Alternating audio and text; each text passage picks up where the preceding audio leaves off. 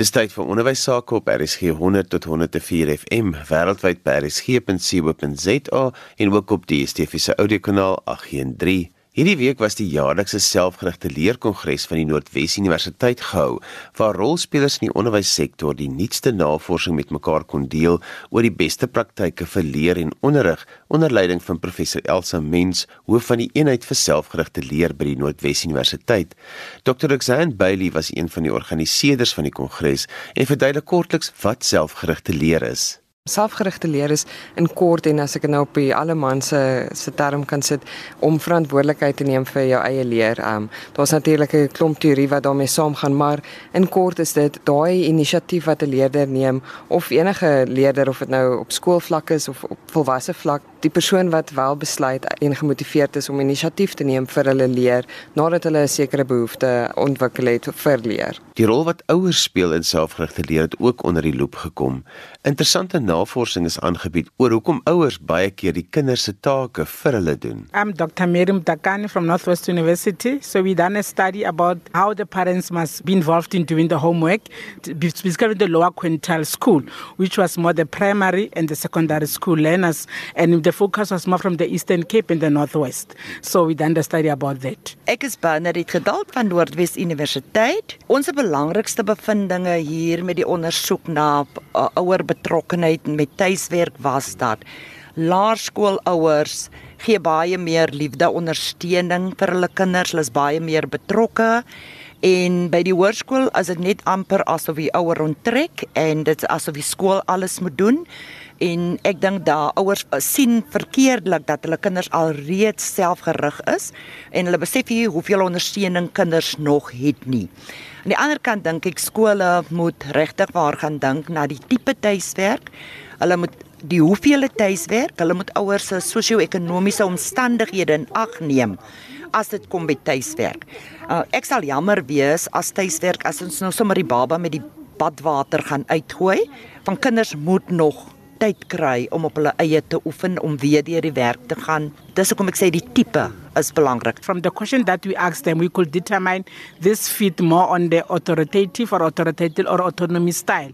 So we didn't ask them the question of what is your style. We didn't go so clear. But the question that we asked, you wanted to know what are your dreams for your child in future? What do you think? And then how do you support your child? When you struggle, what do you do? And out of that, we could determine the styles out of that. Maar wat ek kon aflei is dat die meer autoritaire ouers is baie betrokke. Hulle doen sommer die tuiswerk self. Dit is die die kleintjies is hulle is ook betrokke, maar die kinders word so geleidelik bietjie gescaffold en so hulle wil hê die kindertjies moet self leer. Maar die ouer ouers is moeg. Hulle wil hulle geld mors, hulle wil die beurse hê al uh, die kinders moet by universiteit inkom. So hulle is ook moeg na werk, maar hulle doen dit self. Ek gesels met professor Christo van der Westhuizen. Christo, vertel vir my, jy het 'n baie interessante parallel getrek tussen selfgerigte leer, aanlyn leer, maar ook iets soos koöperatiewe leer bygebring. Vertel 'n bietjie van hoe wat het julle oorgesels? Wat baie belangrik is aan aanlyn leer as jy gaan kyk na die uh, model van vervlegte leer in die digitale omgewing, sit jy met met jy baie sterk uh, onderwyser teenwoordigheid hê, baie sterk sosiale teenwoordigheid om dan 'n baie om 'n hoë kognitiewe eh, teenwoordigheid te bewerkstellig. Die literatuur wys vir ons as jy hoë orde aktiwiteite wil suksesvol afhandel aanlyn, moet jy seker maak dat jy in 'n aanlyn leeromgewing 'n goeie sosiale teenwoordigheid, met ander woorde waar studente met mekaar kan kommunikeer, interaktief kan wees, kritiese vrae kan vra, kan reflekteer, waar die dosent ook kan inkom en ehm um, die onderwyser teenwoordigheid dan nou deurlopend ehm um, die studente begelei in in rig na na die oplossing toe. Maar dan moet mens gaan kyk na platforms en dit is waar iets soos Google Docs uh, na vore kom waar studente dan gelyktydig op 'n platform kan werk sien hoe hulle vorder en met mekaar kan kommunikeer. Op hierdie wyse kry jy dit dan reg dat jou um, uitkomste wat bereik moet word by 'n probleem wat 'n baie hoë orde denk uh, vaardigheid vereis dat hulle um, dan deur middel van hierdie kommunikasie eintlik heeltyd besig is om krities te dink, te reflekteer en op die einde met baie hoë uitkomste na vore kom, uh, goeie kwaliteit antwoorde. So in die in die ou dae het ons gedink as ons 'n klomp video's aanlyn wys en jy het 'n studiegids wat studente kan lees, hulle op hulle eie gaan regkom, maar dis nie die geval nie. Die Switserse navorsing wie wat uh, spesialiste is in in afstands aanlyn leer sê dis juist die deurlopende soveel as moontlik assesserings wat jy moet doen om te kyk wie studente op die regte pad is. En hy ondersteuning dat hulle kan voel my dosent is met my kan voel my mede groepsmaats uh, al is hulle oor die land versprei is met my op 'n platform waar ons dan nou hierdie vraag met die beste van ons vermoë kan antwoord so daai geborgenheid wat dit gee om 'n sterk sosiale teenwoordigheid te vestig uh, maak uh, uiteindelik baie hoë kwaliteit antwoorde van die studente kry en is eintlik baie keer merkwaardig om te sien waarmee met wat hulle na vore kom My naam is Dorothy Loupshe. Ek's 'n dosent by Noordwes Universiteit in die fakulteit van opvoedkunde en ek werk spesifiek met, met wiskunde. Ehm um, alhoewel hierdie navorsing gegaan het oor 'n uh, meer algemene onderrigleer module. Ons het 'n groep van omtrent 1200 studente in die module en ons het spesifiek gefokus op die gebruik van fasiliteerders om koöperatiewe leergroepe uh, te fasiliteer namens die die dosent want dit is amper onmoontlik vir 'n dosent om um so groot klas te kan fasiliteer en ook dan koöperatiewe leer toe te pas in die klas. So um die navorsing het gegaan oor die rol van die fasiliteerder en hulle ervaring daarvan en ook in hoe mate ons praat van um teaching presence en hoe mate hulle die teaching presence kon bevorder in die groter klasse en ja ons het wel agtergekom deur gebruik te maak van koöperatiewe leerstrategieë dat dit wel moontlik was vir die uh, fasiliteerders om daai teaching presence te handhaaf. So wat was die voorwaardes gewees vir hulle om dit te kon handhaaf? Wat het julle op gefokus? Die module ontwerp was baie belangrik geweest. So uh, in die ontwerp van die module, daar was verskillende afdelings daarvan. Uh die eerste deel was die aanlyn omgewing waar die studente gewerk het. Ons het gebruik gemaak van 'n leerder-bestuur stelsel waar studente dan al hulle inligting gekry het. Daar was ook wel kontakklasse gewees waar die dosent spesifiek nou inligting deurgegee het en ook dan die koöperatiewe leerstrategie met die studente deurgegaan het en ingeoefen het.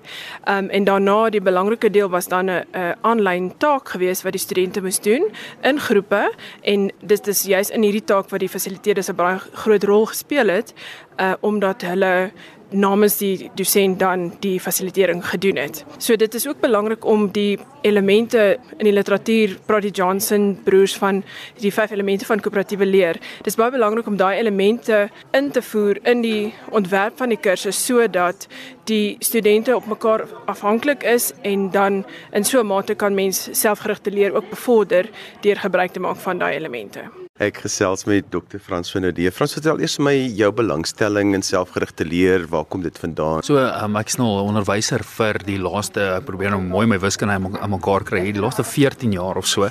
Um en spesifiek in wetenskap, maar ook my groot passie lê by onderwysers en hoe onderwysers agency kry om hulle self te dryf om bietjie weet meer te leer as wat net in die handboeke was of wat in die laaste 4 jaar in hulle um, universiteitslewe met hulle gebeur het. Wat is dit wat onderwysers maak tik dat hulle daai ekstra effort gaan doen en wat ek noem 'n super onnie word en net daai daai daai ekstra stap, daai ekstra myl loop om hulle self te verbeter. Wat is dit in 'n onderwyser wat maak dat hulle dit doen?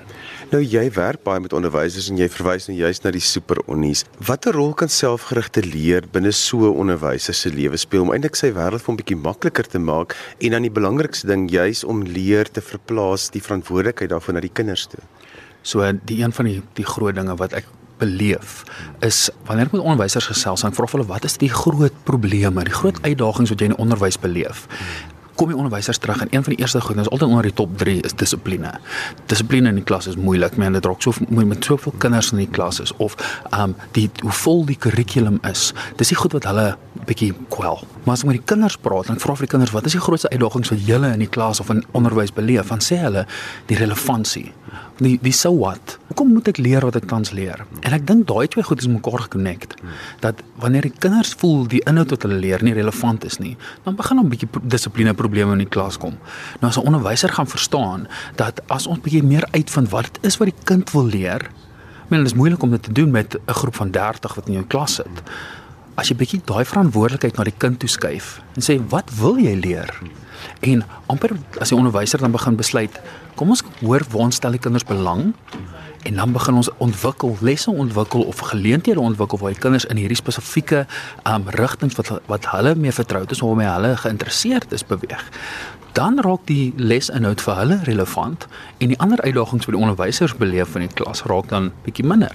En so help die twee mekaar om die die die die klaskamer um, omgewing bietjie meer beter te maak en weet eenvoudig bietjie meer van te hê. Die uitdaging bly dan juis vir die onderwyser om weg te dink van lyn vir lyn na die caps en die kurrikulumdokumente te kyk, maar elke keer ook te dink, hoekom is dit relevant tot my lewe? En dan kom die relevantie tot die kind se lewe baie keer amper as 'n nuwe vraag van spontaan daai uit.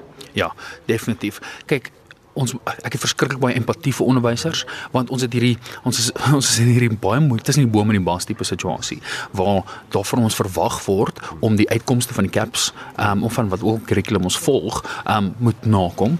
En die die die druk daarin om amper ek wil sê vir die eksamen te moet moet coach om kinders gereed te maak om eksamen te skryf dis amper wat die fokus begin word het.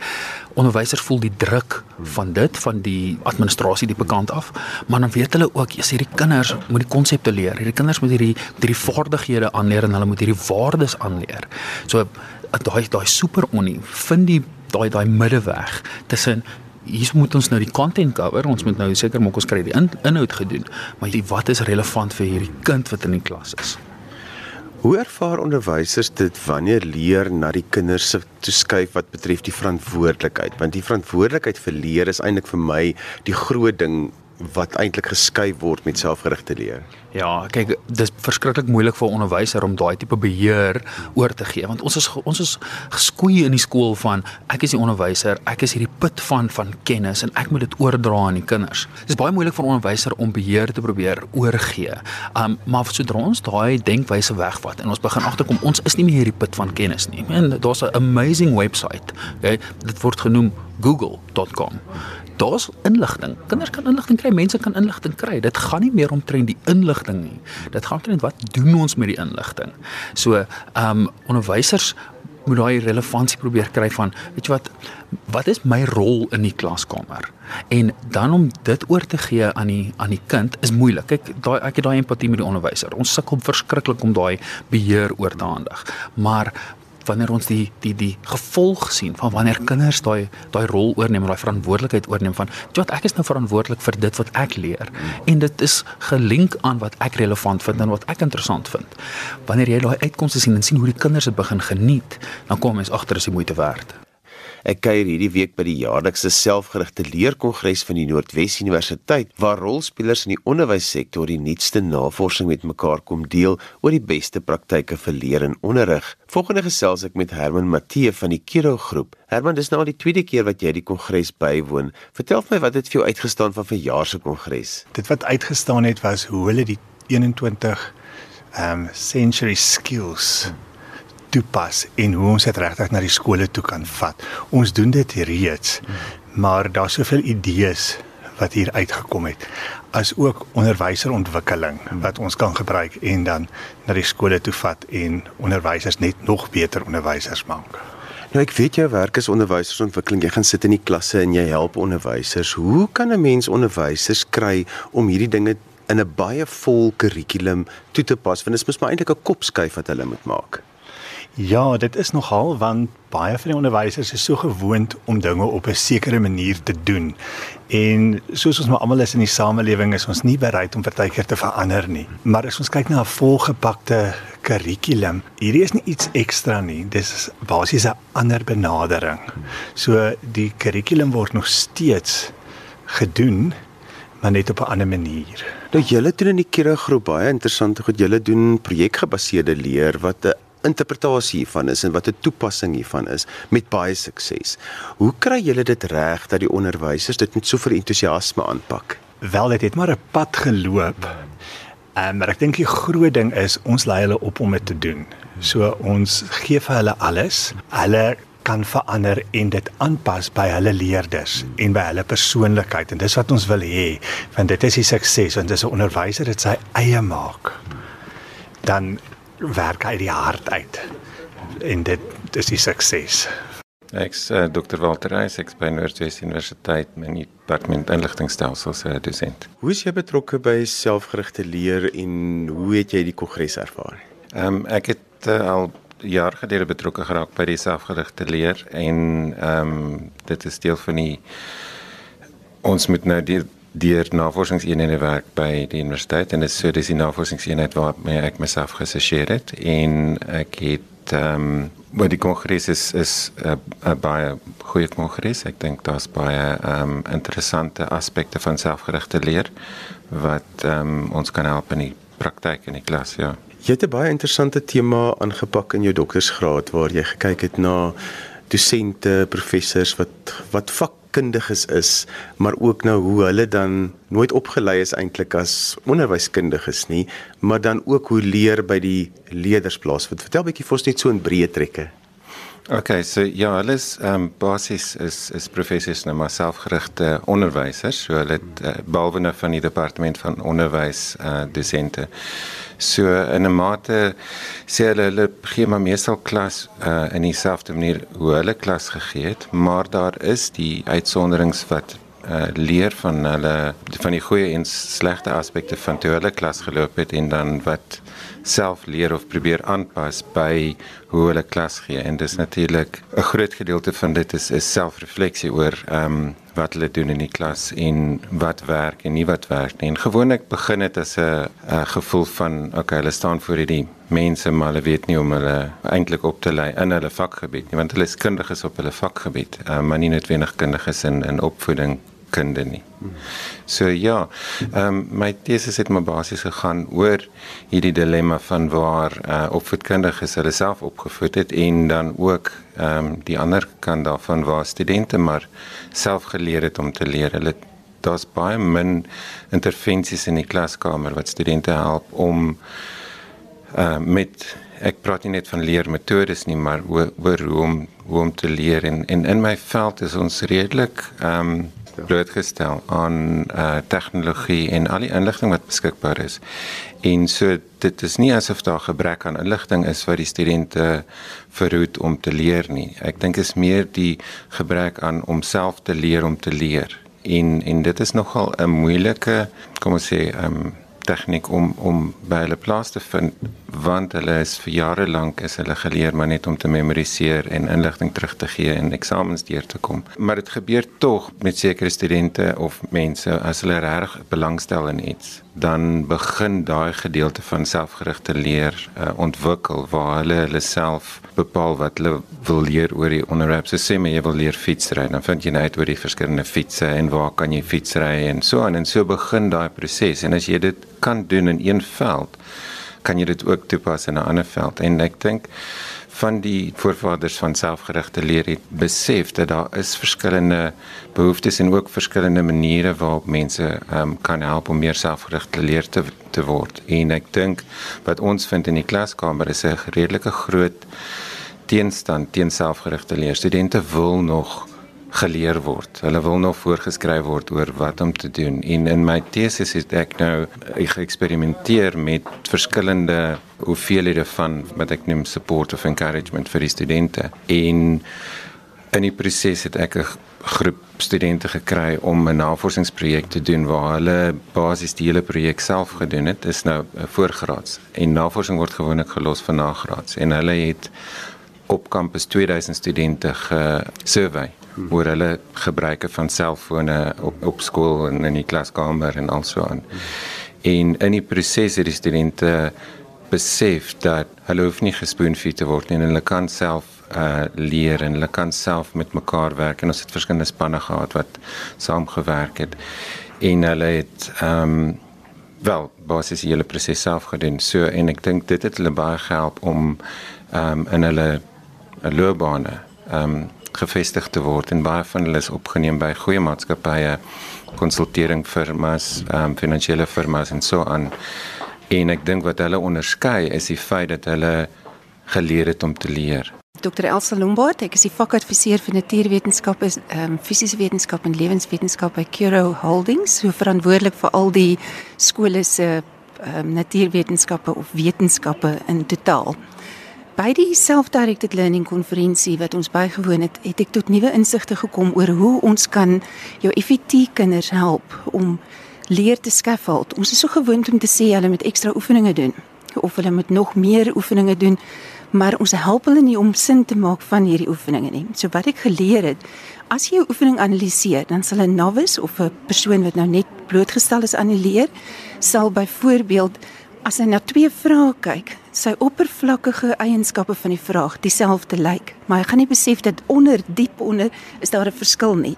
So die meer ervare persoon gaan besef dat alhoewel dit op die oppervlak dieselfde lyk, is daar verskille aan die onderkant wat ek moet inbring.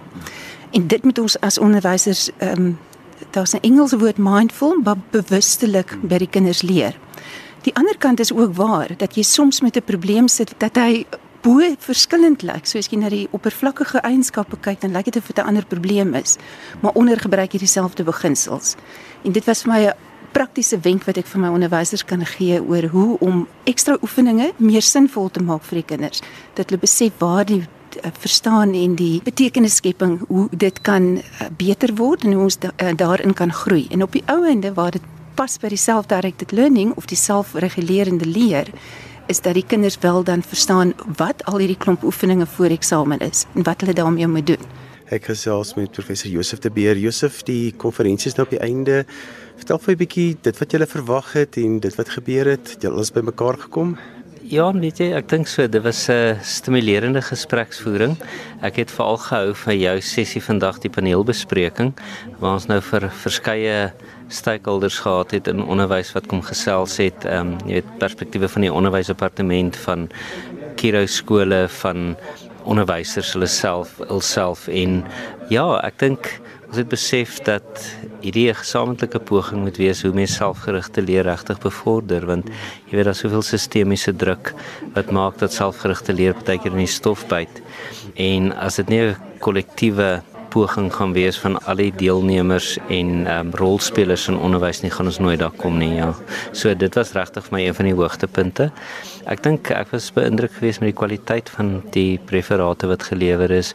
Jy weet dis ongelooflike werk wat gedoen word op voedselvlak en ek dink dit is belangrik dat mense ook hierdie goeters, jy weet, laat 'n weier uitkring, jy weet dat dat mense bewus raak van hierdie tipe van werk.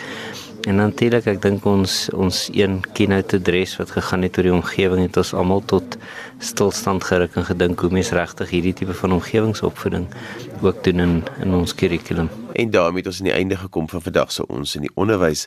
Kontak gerus die eenheid vir selfgerigte leer by die Noordwes Universiteit indien jy meer wil weet van hierdie benadering.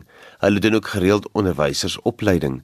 Ons gaan nog 'n paar programme doen oor van die navorsing wat aangebied is by die kongres. Want jy kan weer luister na vandag se program as 'n potgooi, laat dit af by resgep.co.za. daarmee groet ek Johan van Lille tot volgende week. Totsiens.